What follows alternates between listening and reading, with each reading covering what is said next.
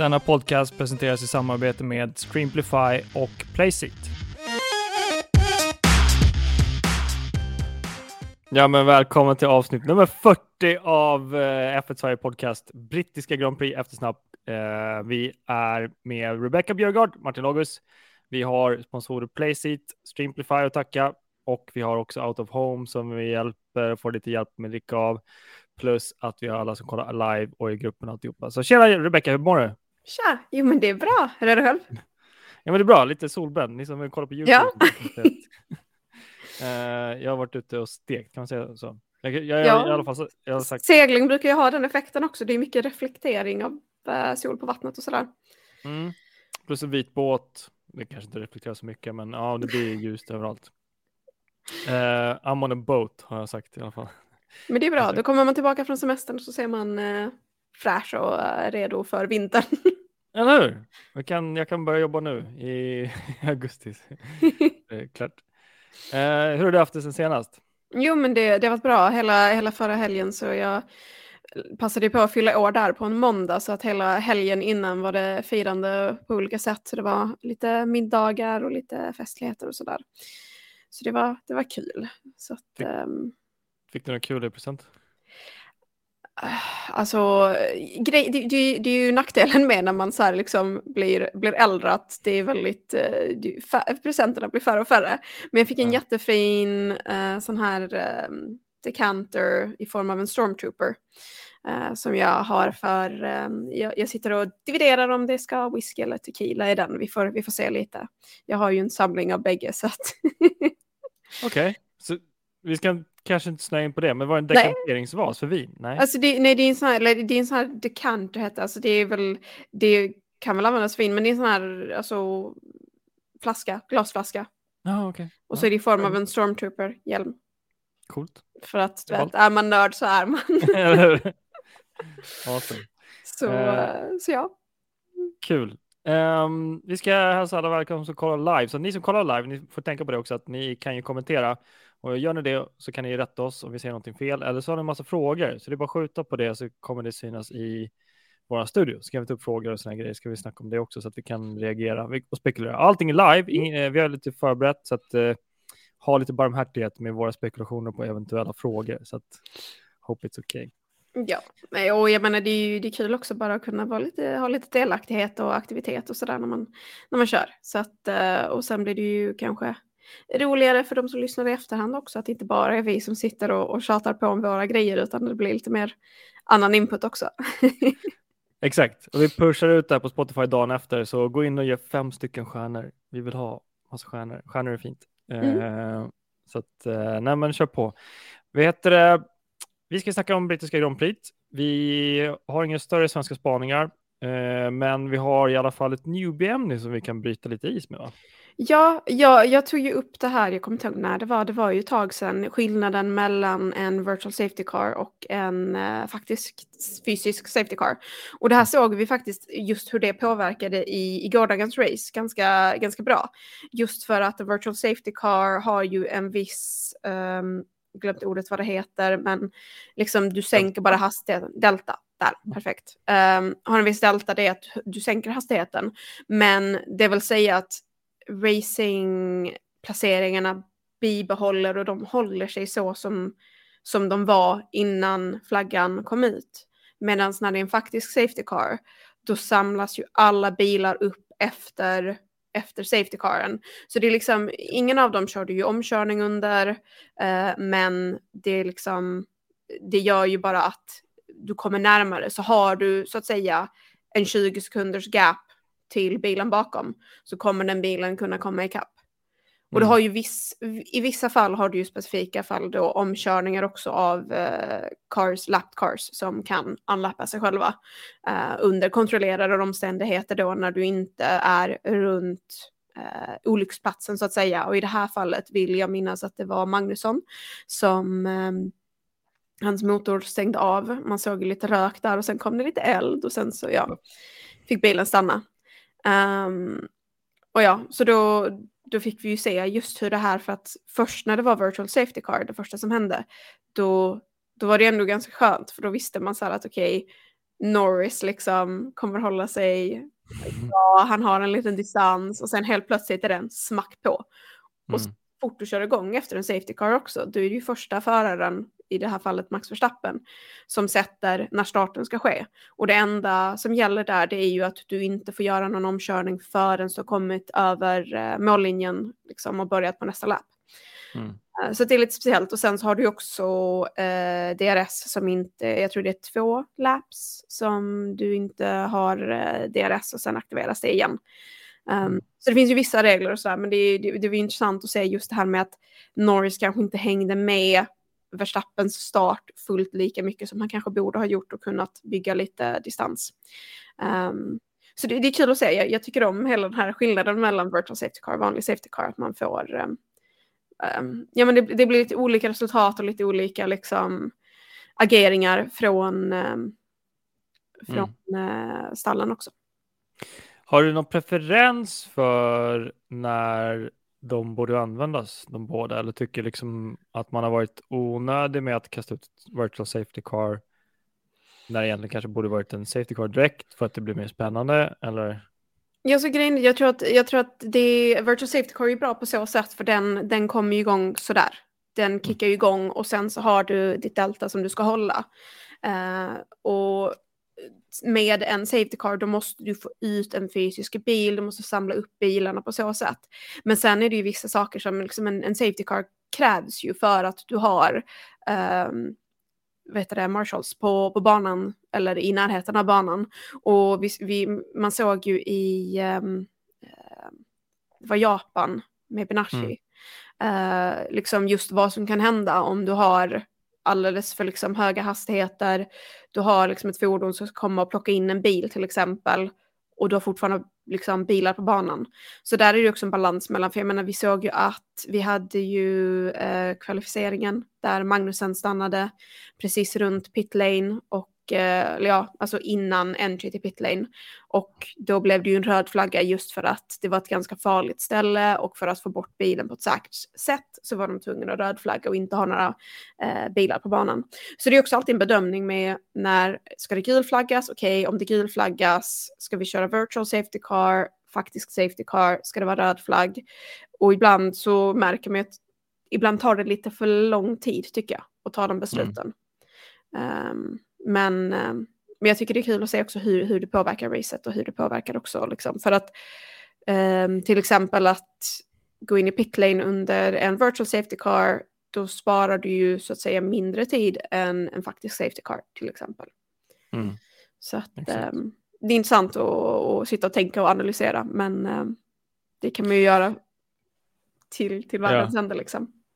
Jag kastar in lite för att bidra på ämnet, är att eh, jag tror att Virtual Safety Car skapades efter Jules Bianchi dog 2014. Mm. För då tog det ofantligt stor tid att få ut en Safety Car och nu vet jag inte exakt om, om Jules Bianchi kraschade under Safety Car eller om det var på vägen ut eller på vägen in där de höll på att ta ut den. Men de satte dem, då kom de på i alla fall Virtual Safety Car, vill jag minnas, rätta mig om jag fel. och det kom några året efter någonting, Mm. vilket var eh, digitalt klick ut så att alla bromsade i tempot direkt istället för att de så- ligger och varvar med, med gul flagg på ett ställe och så Mm. väntar de på Safety Car. Liksom. Ja, för det, det är ju också det. Du har ju till exempel bara en gul flagg kan ju vara i en viss sektor. Mm. Eh, och då innebär det ju att du egentligen saktar, saktar ner i den sektorn, men resten av racet så racear du som vanligt. Um, och just, just Bianchi, där, där vill jag ju misstänka att Safety Car var, borde ha varit ute med tanke på att de hade hunnit få ut ett eh, fordon för att liksom ta in ehm, den bil som hade åkt av redan. Exakt. Ehm, men vi märker det också. Det är ju så här, saker som tillkommer för just för att saker händer. Jag menar, Halon tillkom ju av en anledning och det är liksom förbättringar. Mm, exakt. Nej, det är kul och eh, jag ska helt ärligt säga att jag inte börjat hålla helt koll på tiderna för hur det mycket kostar i tid att byta däck under virtual safety car versus safety car. Ehm, det kanske du har koll på? Nej, alltså det, jag tror det, det är också beroende på vilken, eh, vilken bana, alltså vilket delta det redan är. Mm.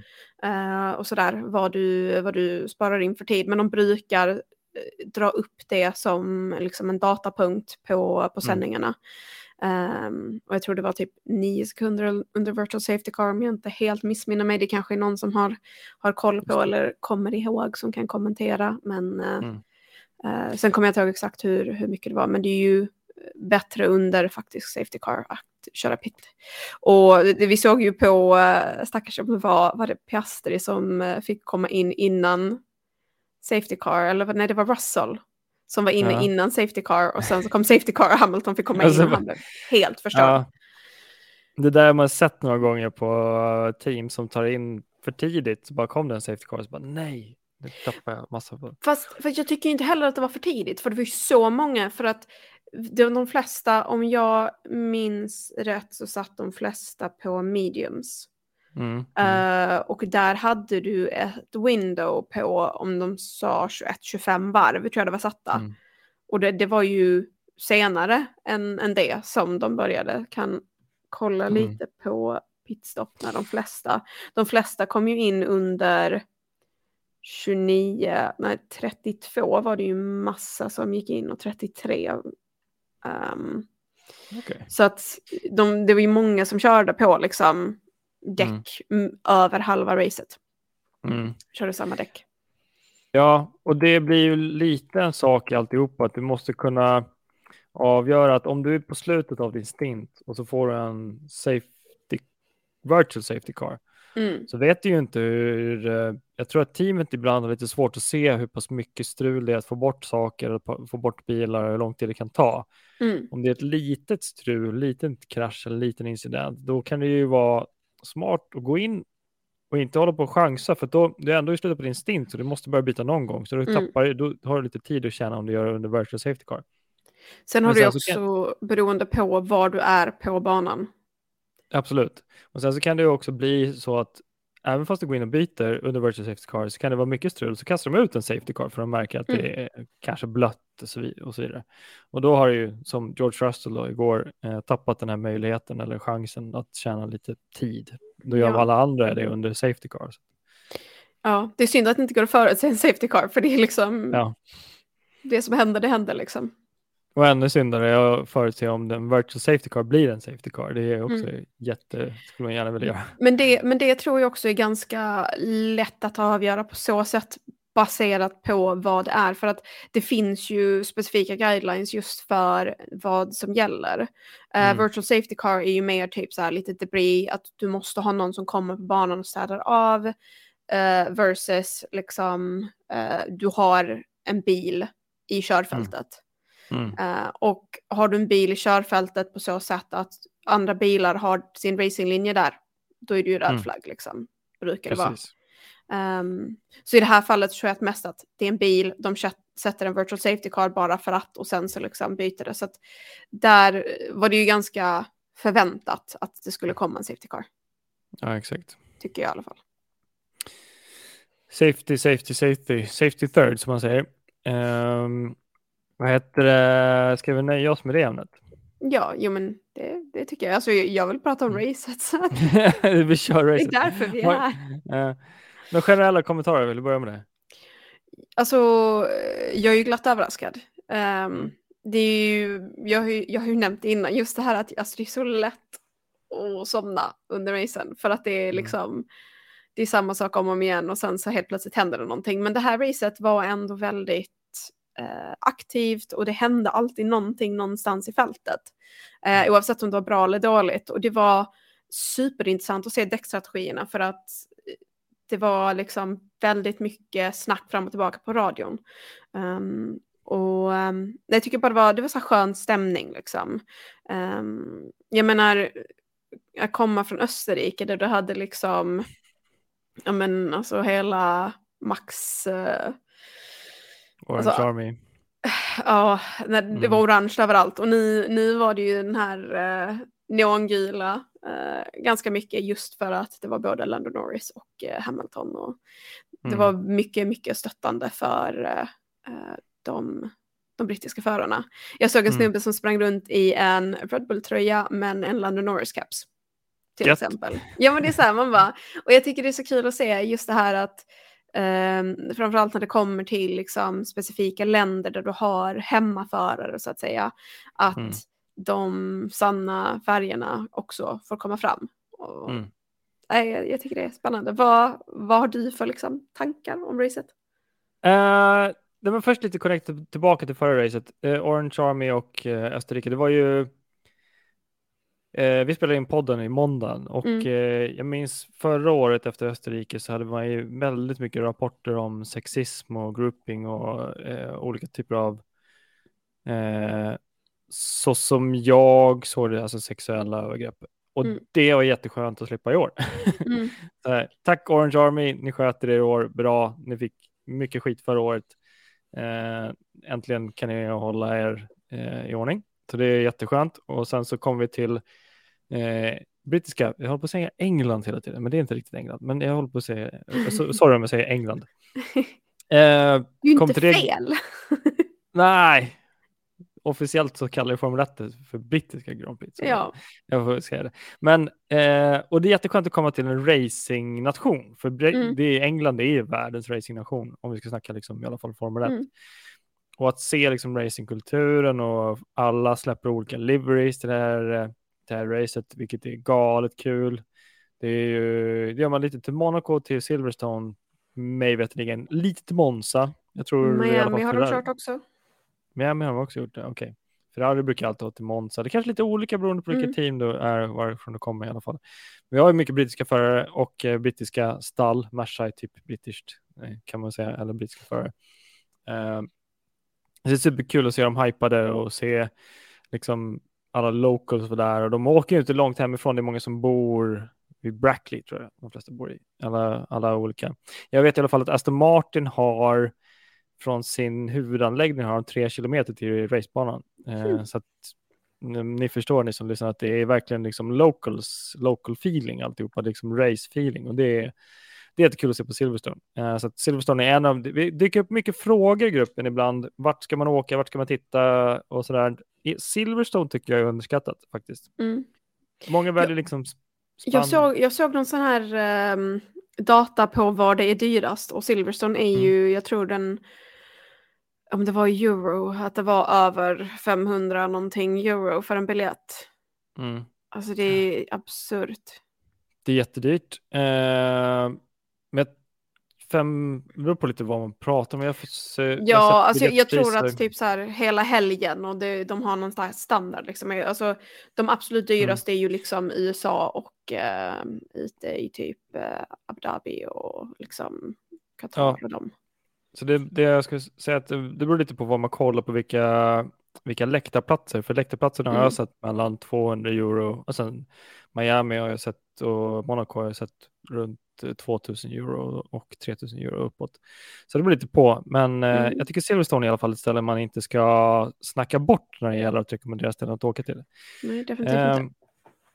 så det om det om platsen och Silverstone. Så att det är kul. Men uh, racet i sig tyckte jag var okej. Alltså det var ju volatilt. Vissa gånger eh, satt, jag, satt jag lite i halsgropen och vissa gånger tänkte bara nu, nu bara snurrar det på 10-15 varv utan att det hände någonting spännande. Ehm, men vissa saker, det pikade lite på några ställen. Jag tycker absolut bäst var i starten när Norris tog det. Och, för att jag har rantat om det förut, jag kommer fortsätta ranta om det igen. Jag tycker det är tråkigt att vi har en förare som vinner hela tiden, vilket det blev Mm. nu igen. Eh, så det är jättekul att se någon som faktiskt kan utmana honom. Och det verkar som att de hittade pulver där McLaren-bilen i, igår. Eh, sen om det bara var på grund av Norris, jag vet inte. Alltså, han är ju britt också, han älskar ju Silverstone. Det är hemmabanan för honom, så att han kan ju den. Max Verstappen, det är inte hans hemmabana, så att I don't know. Eh, sen kanske han är lite, han kanske lite, lite rädd för Cops Corner också, Max just nu. Jag vet inte. Eh, Flashbacks. sorry, jag var tvungen att kasta ut den. Eh, men det är generellt sett ett bra race. Eh, glad över vissa saker i mina flaggor, men vi kanske ska ta dem ganska snart. Mm. Jag tror det börjar luta oss in där på, eh, på flaggorna för racet. Ja. Eh, du, du, du, du. Då ska vi se. Ska Men vi- jag, jag, tänkte faktiskt det, för jag vet att jag, jag kommer inte ihåg om det var när vi pratade Kanada eller om det var innan det till och med. När jag Mm. nämnde det att jag hade sett en artikel att uh, Häkkinen hade, hade lagt en kommentar om McLaren och att inom några race Mm. så kommer ni se en förbättring. Mm. Och jag vet att vi pratar alltså, om det och det, nu, nu är det ju liksom, nu är det ju det en meme om att så här, han har siat Ja. om, eh, om framtiden liksom. Men alltså Häkkinen är ju väldigt liksom, han älskas av alla. Han är liksom Kimmys gudfar typ eh, i racing. Han är kvar i paddock, han gör mycket saker i paddock. Kimmy Mm. stack ju från paddock för att han ska hänga med familjen. Men han är väldigt mycket kvar och aktiv och jag tror han är en typisk sån där seniormänniska som folk går och snackar av sig lite med tror jag. Mm. Alltså han, han är ju så snäll finne som bara, nu ska jag gå och säga sanningen till honom. Och där, därför tror jag han sitter på mycket information faktiskt. Mm. Men jag, jag tror också med tanke på det, det är ett av hans gamla stall, liksom, att han har, Exakt. har varit där, kanske fått säga grejer, eh, inte Mm. snackat om exakt vad det är, men det är så här, de här förbättringarna vet jag kommer, för han har ju också erfarenheten. Han har väl Mm. två äh, mästerskap, vill jag minnas. Jag tror det va? Mm. Han Jag, körde för mot mig att han, han, för han körde ju mot uh, Schumi där, back in the day. Schumi, precis, så det gamla fina gardet. Eh, men låter det osagt. Ni, Mm. ni som kollar live kanske får uh, rätta oss. Ni kanske har tid att kolla upp. Och lyssnar ni i Eh. efterhand på Spotify, ni är varmt välkomna in i F1 Sverige-gruppen för att Ja, lägga de kommentarerna också. eller hur? Klockan åtta varje kväll efter varje race kör vi. Eh, så att kom in och snacka och kommentera. Mm. Eh, ska vi ta en flagga eller vad tycker du? Ja, ska vi, ska, vi- ska vi börja med den absolut mest uppenbara gröna flaggan för gårdagens race? Ska vi spara den kakan eller ta den? Riv av plåstret om du vill. Alltså den Ja, som inte Lando kollar live så ser jag, jag har ju på mig min Lando Norris hoodie så att eh, jag är redo för det här samtalet. Uh, Mm. Jag är så glad. Nej men alltså just så här, både under qualifying men också under, under racet, han hade en sån extrem pace. Alltså det är helt sjukt. Får, jag avbryta dig? Ja. Varför hade han sån pace? Jag vet vet, inte. Alltså Okej. jag, har inte. jag har inte läst på någonting om det eller sådär. Mm.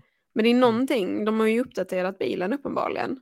Mm. Och jag menar man såg ju det nu i efterhand också, Max hade ju lagt kommentaren även innan qualifying att det är så här, eh, Lando har vad som krävs för att vara vinnande så länge han sitter i en vinnande bil. Mm. Eh, och det ser vi ju nu att det är så här, han, han var ju faktiskt, alltså visst Max kommer alltid vara Max, Max drog ifrån honom efter ett tag. Men Lando först fick starten och sen Mm. lyckades han hålla honom liksom Max Verstappen, världsmästare, snabbast på banan i fem varv. Mm. Mm. Alltså även, även när DRSen var igång så lyckades han ändå hålla honom borta. Det, alltså, och det vill jag säga, för att alltså, jag, Lando kanske inte, han är ju inte en rookie längre, det är han inte. Nej. Men, men han har ju fortfarande den här viben, han är ny, liksom, han, han är fortfarande fräsch, han kommer från ett lag som det inte har gått jättebra för på senaste och hans prestationer har varit väldigt, eh, hur ska man säga, eh, sporadiska eh, kan man Mm. väl säga.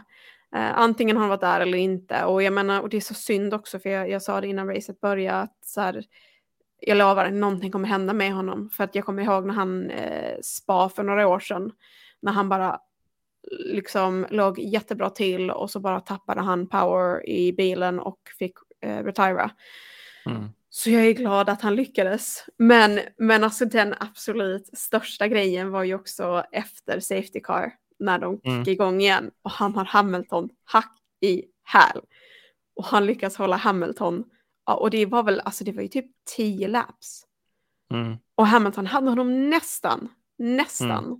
Och Mm. jag tror det var som den Cobbs Corner där, alltså Hamilton, då de kommenterade och sa det att så här, ah, Hamilton hade ju en olycka med Max här för ett tag sedan på exakt samma Mm. liksom, sträcka.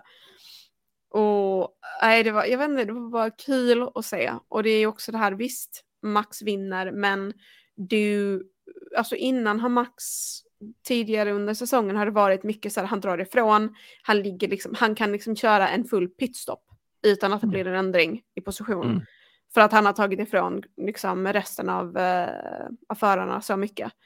Liksom, Lando höll sig ändå, jag tror han var väl inom typ fem sekunder eller någonting. Och alltså kollar man på, eh, vad heter det, på pacen också. Alltså Lando hade näst snabbast lap. Han hade snabbare lap än vad Hamilton hade. Mm. Han låg på liksom snabbare pace, snabbare lap. Alltså det var så att det no någonting har ju hänt och det är så kul. Och just också det här under radion innan, för de, de snackade ju om just det här med däcken. Han Mm. gick ju inte in, för de frågade honom, de bara kan du hålla den här, liksom, hur, hur känns däcken, hur går det? Och han höll samma, liksom, han höll sig inom samma lap times, lap till lap till lap. Och, och det var, jag vet inte, det var kul att se liksom, hur han bara sitter där och låter hur chill som helst. Han bara, nej men det är lugnt, jag har det. Så här, Mm. Ingen stress. Kan du, alltså man måste ju bygga en bil efter en förare för att få allting att bli riktigt schysst och optimalt. Mm. Eh, uppgraderingspaketet som har kommit nu från McLaren eller kanske kommer också lite mer framöver. Det måste vara helt optimalt för honom. Eh, Jo men alltså vi såg ju ändå från Piastri, alltså, och Piastri är ju min andra gröna flagga. Alltså Mm. han lyckades ju också hålla det. Och jag menar med tanke på om man jämför, för de körde ju från mediums till hards medan de flesta gick på softs. mm, Eh, förutom stackars Ferrari, because Ferrari is always fucked. Um, Mm. Men just det här att de lyckades för att Russell la ju en kommentar när han låg bakom Piastri. Han sa, oh that McLaren on the hards, like keeping that pace, that's impressive. Mm. Och, och det är det ju verkligen. Så att jag tror att både, både för Lando och Piastri så tror jag att den här uppgraderingen har verkligen låtit att de får liksom skina igenom. Mm. Nej, men det är jättespännande att se vad de har gjort. Jag skulle vilja ha bättre genomgång på deras uppdatering. Eh, apropå uppdateringar så vet vi nog, de får ju, de har ju en så här, eh, inför varje race har de en review, en show, en show and tell tror jag, vad man har gjort för uppgraderingar. Men vet- jag har aldrig sett att det kommer ut exakt vad de har gjort för någonting på bilarna Mm. till media. Jag är lite, lite, lite nyfiken på det, för det finns en show and tell. Jag har sett det bekräftat att det faktiskt pågår, men jag skulle vilja veta vad de gör. Eller om det Ja. bara är exklusivt för FNTV Pro-tittare eller någonting. Jag funderade faktiskt, jag, jag kom på nu, jag vet att eh, vi kollade upp det under racet faktiskt, just vad McLaren hade gjort. Jag har att det var Mm. någonting med golvet i alla fall. Okej. Eh, så aerodynamiken har ju antagligen förbättrats med det, men ja. Mm. Det, det, det måste ju i alla fall vara legal, för FIA har ju inte sagt ifrån i alla fall. Exakt, precis. Det är mycket arbete med golv. Jag tror någonting hände väl också lite när, eh, när Monaco kördes. För Monaco, som Toto Wolff sa, var ju världens liksom, uppvisar, uppvisar golv. vad heter det? Exhibitionism, vad heter det? Utställning på alla Mm. golv. Eh, så där såg man jättemycket golv. Och det var ju några race sen och jag tror jag tror att nu i höst kommer det komma lite uppgraderingar höger vänster till olika team. Eh, Merca hade ju ett paket som de jobbat på jättelänge, men vi får se vad som händer lite mer nu. Och eh, jag, jag såg i alla fall en tech review på, på Williams, för de, Williams satte ju Mm. otroliga eh, tider i, ja, vilken session var, kommer inte ihåg. I alla fall eh, gick de igenom och förklarade att eh, du har ju, nu ska vi se, nu har jag glömt termino- eh, namnet bara, terminologin. Men eh, bak på bilen sitter ju två stycken vingar som är Mm. outwash, alltså utanför tunnlarna sitter ju två uppvingar, två eller tre. Eh, rear end diffuser, diffuser, tack. Double diffuser eller diffuser. Eh, så den övre stora diffusern på Williams, den, eh, den, den, den bygger de av väldigt mycket inför varje race, för det är en väldigt billig del, men gör väldigt stor effekt. Mm. Vilket var ganska intressant. Bara, ja, det är klart, det är bara en kolfibervinge som är typ så här, vad kan det vara, 40-50 centimeter bred. Och den är ganska billig att bygga om, så fixar de om den inför varje race och kollar vad det blir för effekt. Jätteintressant. Så det skulle vara kul att se vad, vad McLaren har gjort. Faktiskt. Mm. Ja, och på tal på eh, om Williams, kan jag, ju, jag kan ta min sista gröna flagga där också, för den går till Albon. Kör. Ja men alltså Almon, jag, jag tycker det är så fint att se. Alltså jag menar, visst en åttonde placering kanske inte är det bästa, men och Albon har ju presterat, presterat bättre. Men det är så kul att se också att han har kommit in i Williams och tagit Williams-bilen och visat att så här, jag kan ta poäng i en Williams-bil. Mm. Och så som han också liksom lyckats visa upp sig under qualifying med tider och sånt. Alltså Mm. på något sätt känns det som att Williams är inte längre en underdog på samma sätt som tidigare. Nej, de är inte sämst längre, de är best of the rest. Ja. Det är ascoolt. Ja, och jag, jag tycker det är kul att se. Det, det känns verkligen som att Albon har varit liksom i det främre ledet för att pusha för det och och visa att det är så här, Williams är faktiskt inte ett lag som, som är utförräkning och framför allt under ett race som Silverstone som är mm. brittiskt för, för liksom Williams har ju den här historien.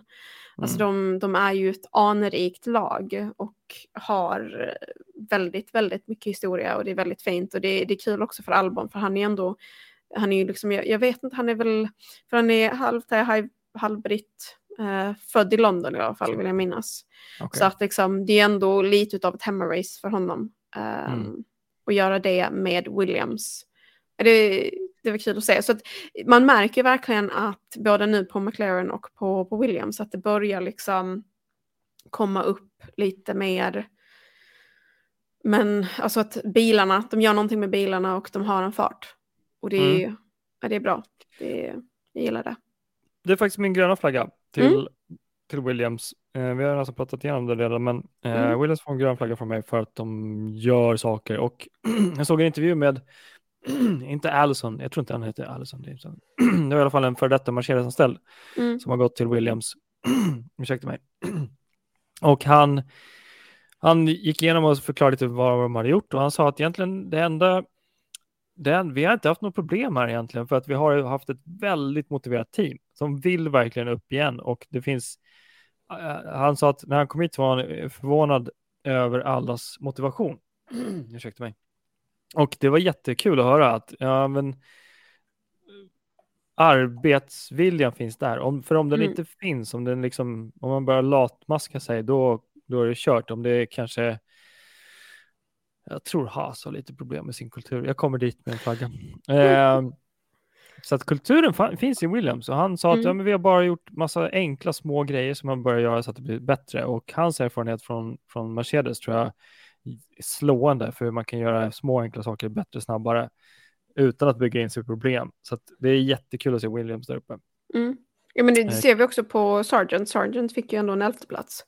Mm. Um, så att han börjar ju, även fast det inte är poäng, så börjar han ju ändå ta sig uppåt nu liksom. Mm. Uh, så det är inte bara Albon, men just att Albon är i poängen och liksom presterar. Ja, men exakt. Och uh, vi ska se nu. Uh, att tittar vi på vilka de slår så är det ju liksom Aston Martin, Lance Stroll slår. Aston Martin har varit snabbast hela uh, halv, första halvåret. Mm. Uh, Alfa Tauri, Alpin, Alpin liksom kommer ganska lågt ner med Pierre Gasly, men det har en Alpin lite högre upp. Men mm. uh, nej, det har inte alls. Alpin börjar falla ner helt totalt. Ja, de, de körde ju två DNF igår liksom. Ja, exakt. Nej, så det är ju jämförbart och det är helt klart att de inte bortprioriterar sin tillförlitlighet Williams. Så det är askul att se. Mm. Eh, det är min gröna flagga på Williams. Eh, mm. Sen ska jag köra vidare för du var ganska klar ja. med det. Ja, ja. Jag har egentligen bara en grön flagga till Norris och Hamilton-fighten. Det var mm. ju så cleant och roligt att se de två britterna fightas ut. Så det var Men, riktigt bra racing. Det jag tyckte var så fint också, det är just att Hamilton är en väldigt erfaren förare. Han är liksom historiskt sett den bästa föraren vi har på grinden just nu. Mm. Liksom, om man bortser från nuvarande prestationer. Um, och Norris som ändå är lite mer av en rookie kan man väl säga, liksom, ändå lyckas hålla den fighten. Det, det var underhållande och det var så fint. För det var verkligen mm. så här, det var inga, inga fila moves eller någonting, utan det var verkligen så här respekt. Ja, det finns ju vissa förare på griden som inte kan respektera varandra när de fightas. Det kommer vi ju komma till. ja, men jag tänker faktiskt på Verstappen och Hamilton.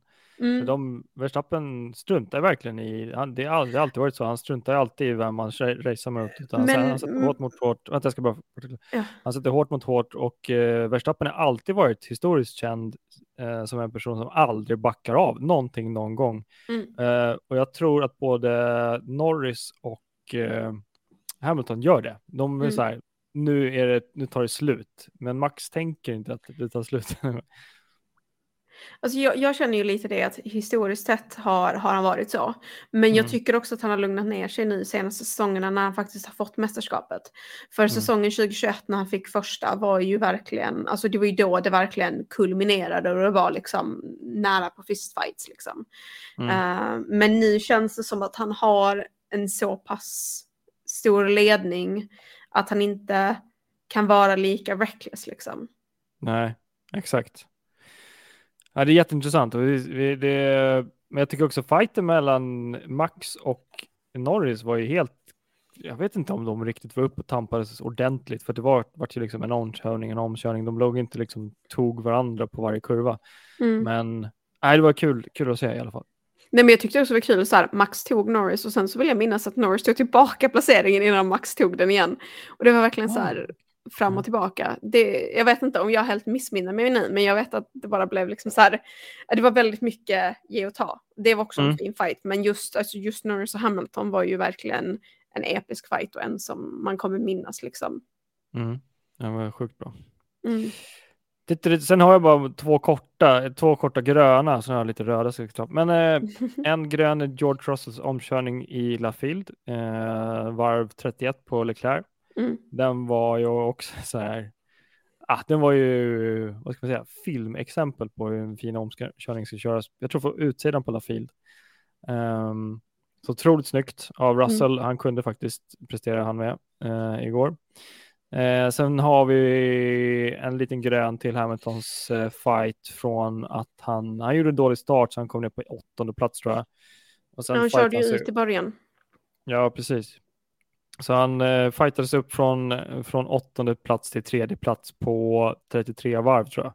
Mm. Eh, och det är inte lätt att komma upp eh, dit upp och gå igenom det där toppfältet. Så att eh, det måste jag ge en grön flagga till Hamilton att han han har fortfarande vad det krävs för att ta sig upp. Sen, har han, så saknar bilen och han, det, i alla fall bilen, det är mest bil i Formel 1, eh, att komma upp på etta, tvåa, liksom första, andra position. Men ja, vi får se vad som händer i höst.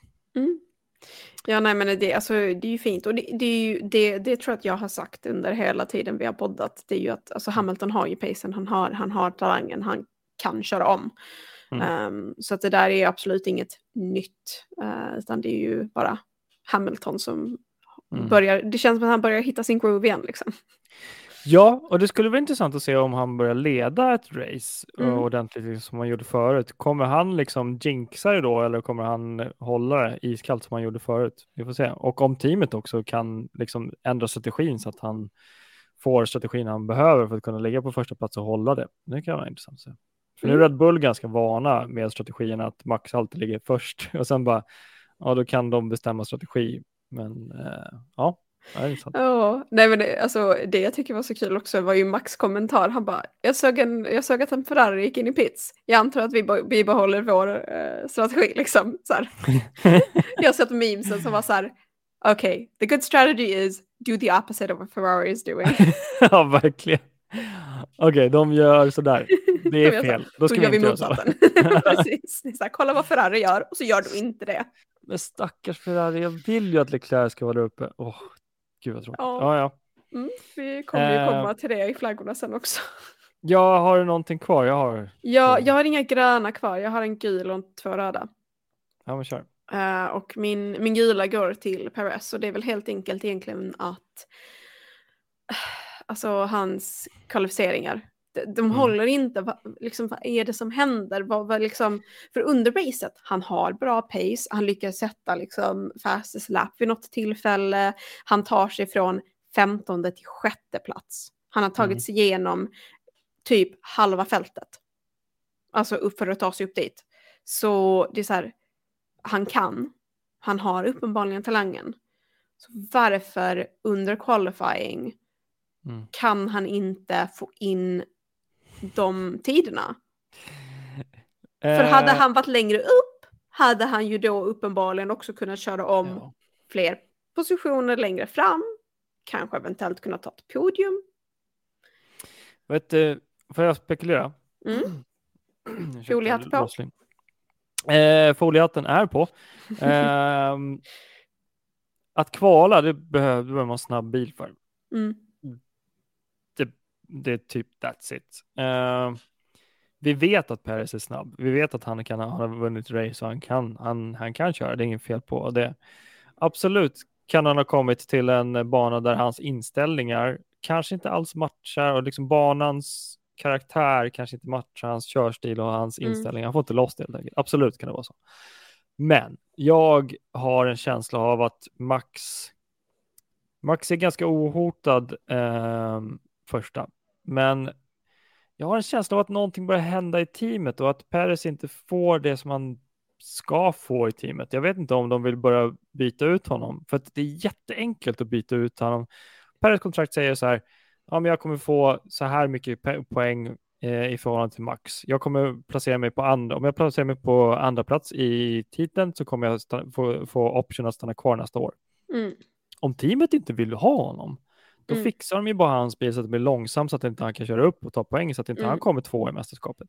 Jo, men- Jätteenkelt att jobba runt kontrakt liksom. Ja, men samtidigt, alltså, det går ju alltid att jobba runt kontrakt i, alltså, oavsett. Liksom.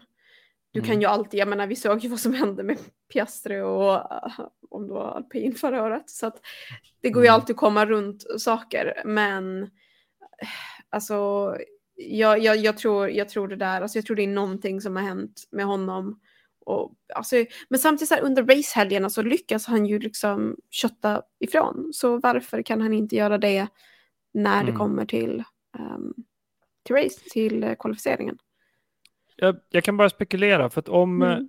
om Red Bull nu känner att de ohotat kommer ta mästerskapstiteln, före mästerskapstiteln, och de ohotat kommer ta eh, Constructors Championship, då har de ju marginal att göra som de vill med Perez. Eh, För Mm. att jag tror de kan få, man, många, motargumentet till det jag säger är, men varför ska de vilja att han kommer åtta istället för tvåa? Mm. Det är ett bra argument. Varför vill man det som ett team? Det enda orsaken kan jag tänka mig är att man får redan tillräckligt mycket poäng av Max vinst och eh, Red Bull-vinsten i respektive Constructors och Drivers. Och då har man så här, då behöver vi inte ta poäng från Paris med Paris längre. Mm. Så att, för att jag tror faktiskt inte att det är något fel på Perez och hans uppsättningar och hans det, det är något annat. Jag tror faktiskt det är bilen. Jag kan o, jag- det är så osannolikt att han ett race bara oj, nu råkar jag bli dålig.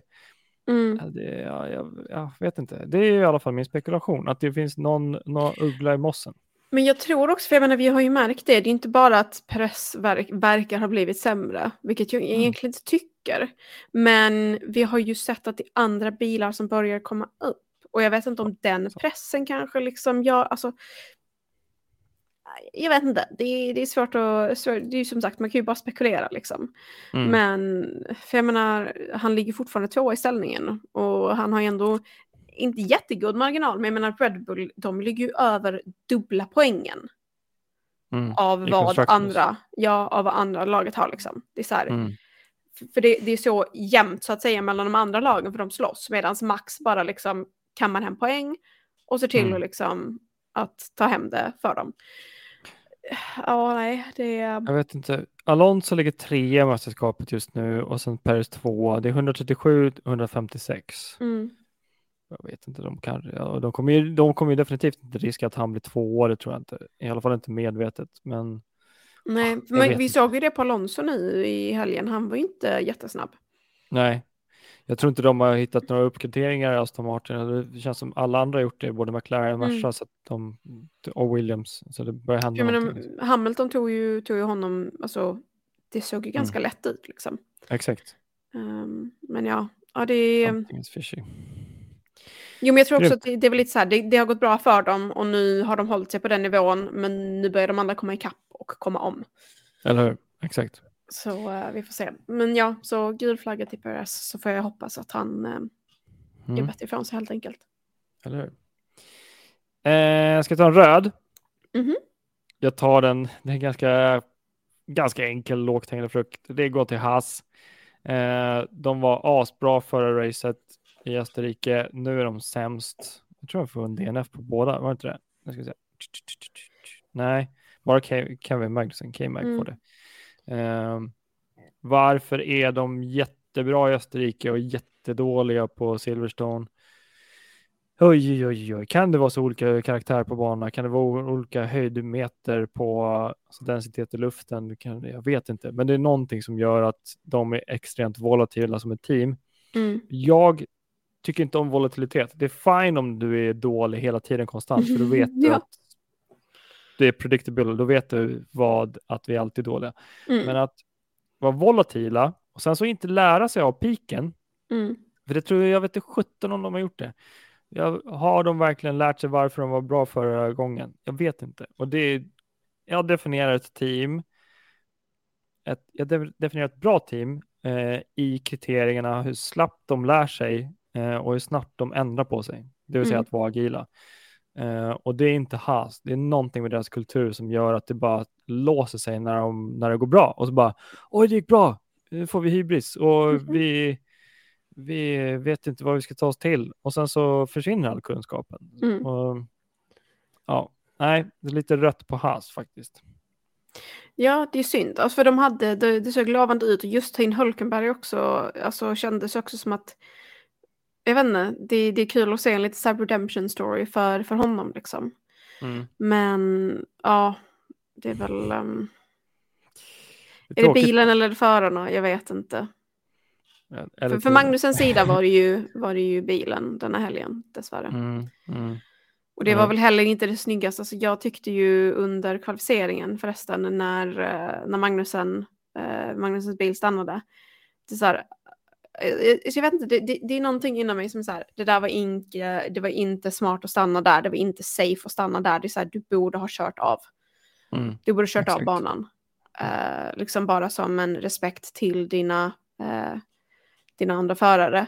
För jag Mm. menar, sure, bilen kanske tar lite skada liksom. ehm, men det är så här, ingen kör in där bak och liksom krockar med dig. Mm.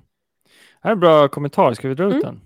Yes. Eh, en annan tanke är att angående Paris kan vara att få Max att se bättre ut. Då man egentligen bara kan jämföras med sin teamkompis. Ja, det jag, ligger någonting i det. Mm. Men jag, jag tror också, alltså på något sätt så tror jag ändå att Max har ändå bevisat sig vara så mycket bättre än Paris. Så att det gör ju ingenting på så sätt om Paris kommer tvåa. För en Mm. etta tvåa placering är det man vill ha. Så att det är så här, då kommer man ju in i den här foliatsträsket Ja. igen. De är, jag tror teamet tänker så här att Paris ska vara två i mästerskaps, eh, mästers, förar, förarmästerskapet. Mm. Sen vill vi få Max att se ut som en gud. Så länge vi inte tappar Paris från andra platsen. Så Mm. då, då tänker kanske teamet att just nu kan Paris få en gammal eh, ECU eller en gammal Mm. mappning eller någonting. Och så bara oj, ja det gick inte så bra. Men så länge du inte tappar din placering. I, För det, det här låter lite som eh, det lät i Mercedes för några säsonger sedan med Bottas. Exakt, precis. Varför är han så långsam? Jo, Ja, vi måste få Hamilton att bli bra. så jag menar, alltså visst, det, det tar bort från, eh, från diskussionerna om att man borde kicka ut DeVry från, eh, från eh, Alfa Tauri. Det Mm. Tar ju definitivt bort fokuset från det, för det är så här, ska vi byta ut en förare, ska vi byta ut två förare? Vem Ja. ska vi byta ut dem mot? Exakt. Ja, det var kul att vara teamchef någon gång. Jag kanske inte hade varit så bra teamchef, men ja. Eh, Och så här, prova på att vara teamchef för en dag. Ja, gud vad kul. Herregud. Veta allt om bilen, hur det verkligen går. Det hade varit så kul att bara veta allt 90 gritty som sker och kommer och sånt där. Ja, ja. Fast det, det skulle du ju säkert kunna bli mekaniker för. Du, du tycker ju om bilarna så mycket. Ja, jag tycker om bilar. Eh, så om det är någon där ute som vill sponsra mitt team så ring. Så Men skicka på tal om bilar, vi tar en liten, liten detour. Vad Mm. tycks du om de ombyggda F2-bilarna som syntes på banan för filminspelningen som skedde i helgen? Ah, det är klart vi måste. Bra, bra, bra. Ehm, jag tyckte det är jättekul. Jag tycker det är askul att man spelar in en film på liksom, för det är jättemånga racefilmer, eh, F1-filmer har spelats in på dåtid, legender som har gjort saker. Jag tror inte det har spelats in en film som är liksom nutid, Formel 1, it's happening now. Mm. Eh, med liksom ett, ett fiktivt team och fiktiv alltihopa och massa stories. Jag skulle jättegärna vilja veta intriger för att åh gud vad det skulle vara kul om man skulle, skulle så här känna igen intriger i den filmen eller händelser i den filmen och bland teamen och förarna som skulle här, klicka lite med verklighetens eh, intriger som har Mm. spekulerats i och varit. Eh, det hade varit otroligt kul. Ja, det hade varit kul. Men nu kommer jag inte ihåg vad den filmen heter, men jag har sett en, en film som också var så här, två förare, de tar in en gammal retired förare tillsammans med en ny liksom, ung förare och, Mm. och kör den taktiken. Så det, det har liksom gjorts, men eh, det skulle intressant att se framförallt liksom, med så pass stor produktion bakom sig och Mm. nu när F1-intresset ligger så pass stort och nära till hands med Ja. någon så pass känd som typ Brad Pitt. Mm. Och sen tror jag att det är, är det Idris Elbas son som kör den andra huvudrollen. Could be. Bra fråga. Säkert någon som vet. Men i alla Ja. fall. Så det, alltså, men det, det är kul att se liksom. Mm. Eh, så att ehm, jag är spänd på att den ska komma. Men det är ju antagligen några F1-säsonger bort. Ehm, Mm. Men som F1-fan är man också van vid att vänta. Eller hur?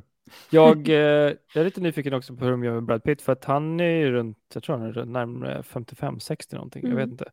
Och man är inte riktigt F1-material då. Jag undrar om de ska liksom förunga honom på något sätt som de gjorde i The Curious Case of Benjamin Button. Det hade varit lite kul att se honom.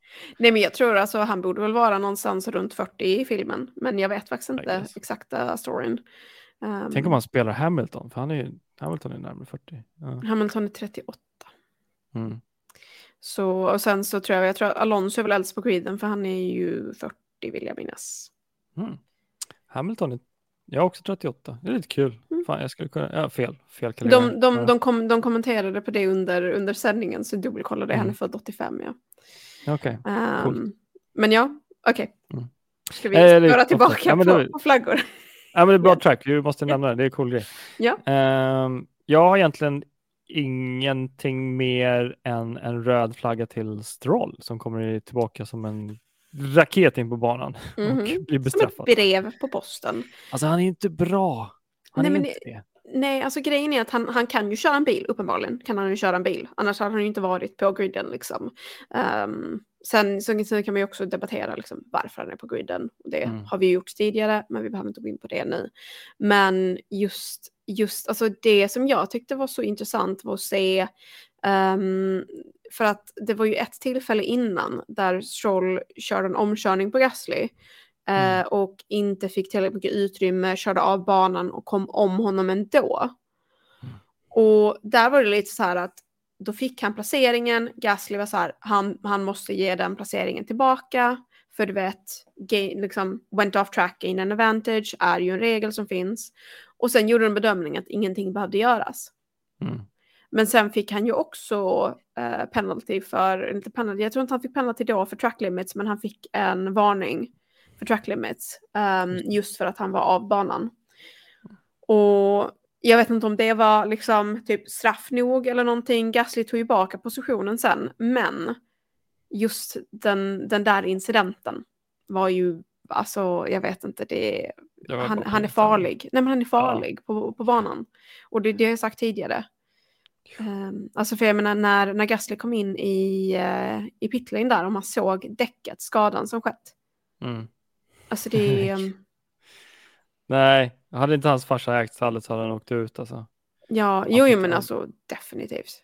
Mm. Alltså det var ju, det, det, var det, för grejen är, vi, vi har ju pratat under, under kvällen har vi ju ändå pratat om jättemånga bra fighter.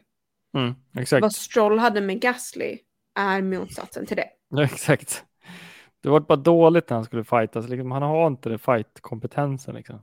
Han kan köra bra, Mm. rakt fram själv, det funkar. Han åker inte av. Men när det kommer bli, bli en fight som lite hett blir han loj. Kan man säga så? Mm. Jo, men också, man märker ju det att han, alltså det har jag ju sett så himla många gånger, han har fått varningar för det också. Just det här Mm. när han håller en linje och byter när han defendar. Och det är så jäkla farligt. Och det hände ju i, eh, det var Austin förra året. När Alonso fick ta en flygtur för att eh, han inte kunde hålla sin racelinje när Alonso skulle köra om. Just det.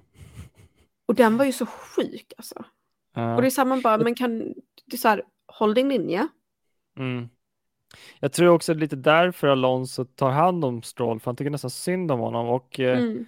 Och där, jag tror också Alonso är en sån här person som han, han vill vara etta i teamet. Det ska vara så. Och Mm. när han känner att han är ohotat etta, att den här snubben, han kan inte ens köra bil. Och jag kan hjälpa honom lite för då ser jag lite bättre ut.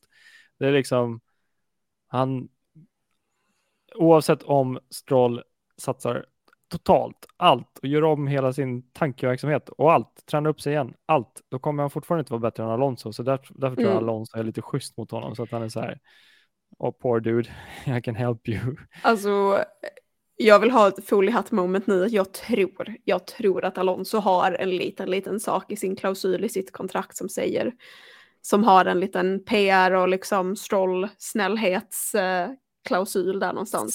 Säkert, så här, du ska hjälpa din teamkamrat. Bara, ja, okej, jag kan hjälpa honom, men jag kan inte köra hans bil för det är kanske är det som krävs för att jag ska. För jag menar, alltså Alonso har ju, alltså det har vi ju sett genom hela hans karriär, han har ett ego. Mm, Och jag, jag, jag tror att nu på Aston Martin så får han sitt ego bemött och Mm. han då också kan ta den här rollen som liksom mentor. Mm, För han vet att han, alltså nu racear han ju mest bara för att bevisa någonting. mm. För han, kanske han gick ju in i retirement, var det 2018 eller 2019? Det är kanske inte jättesvårt att överklassa Stroll, liksom. jag tror därför hans ego blir stimulerat också. Ja, nej alltså, och det är det, alltså vi, vi ser ju det, alltså om man jämför inom team, vilka Mm. två förare som det är mest skillnad på i poäng, så är det ju inom Aston Martin. Aston Martin gör ju bra ifrån sig, men de hade kunnat göra bättre ifrån sig om de haft en bättre andra förare. Mm. Alltså vi har 44 poäng på Stroll och sen så har vi 137 på uh, Alonso. Ja, alltså han är ju nästan stort. 100 poäng ifrån.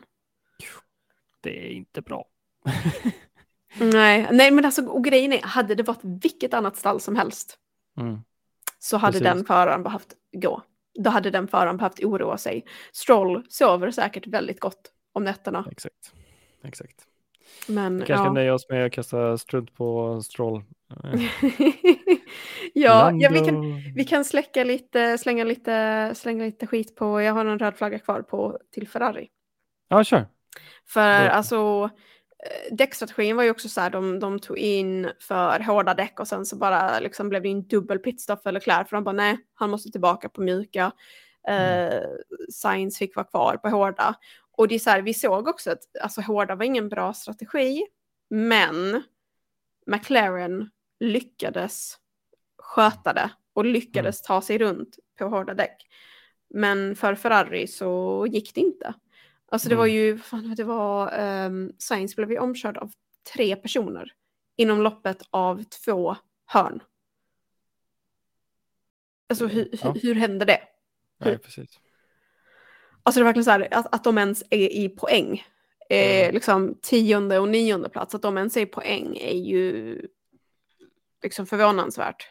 Ja, De hade ju br- bra placering i början, lyckades hålla det bra.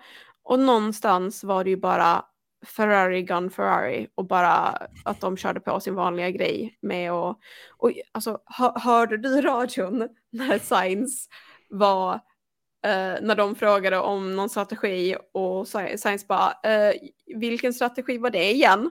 Och, och de bara på radion bara will let you know typ så här att de inte vill säga ut sin strategi rakt ut på radion. Nej, Åh, men Men när man har- när man har så många strategier att förarna inte ens kan komma ihåg.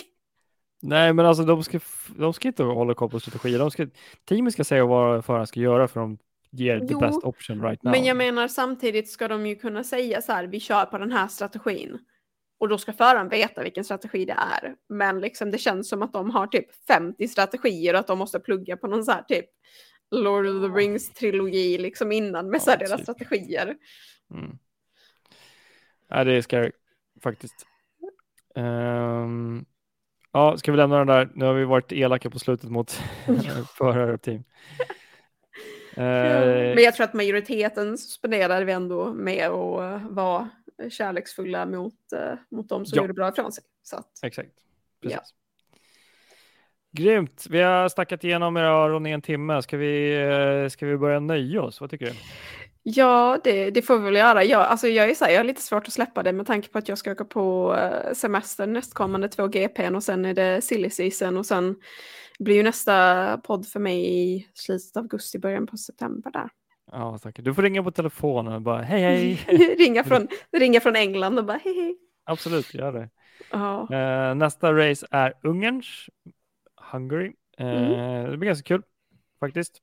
Uh, ingen favoritbana för mig, men jag tycker att det ändå liksom är en klassiker. Den, den ska vara där. Jag tycker att den, den brukar kunna leverera ganska bra. Den levererar ganska bra eh, fight mellan Fernando och Hamilton förra året till exempel, vilket mm. var lite oväntat. Um, så mm. att eh, det, jag tycker den ska bli kul att se. Jag, jag gillar den, den har ganska sköna kurvor.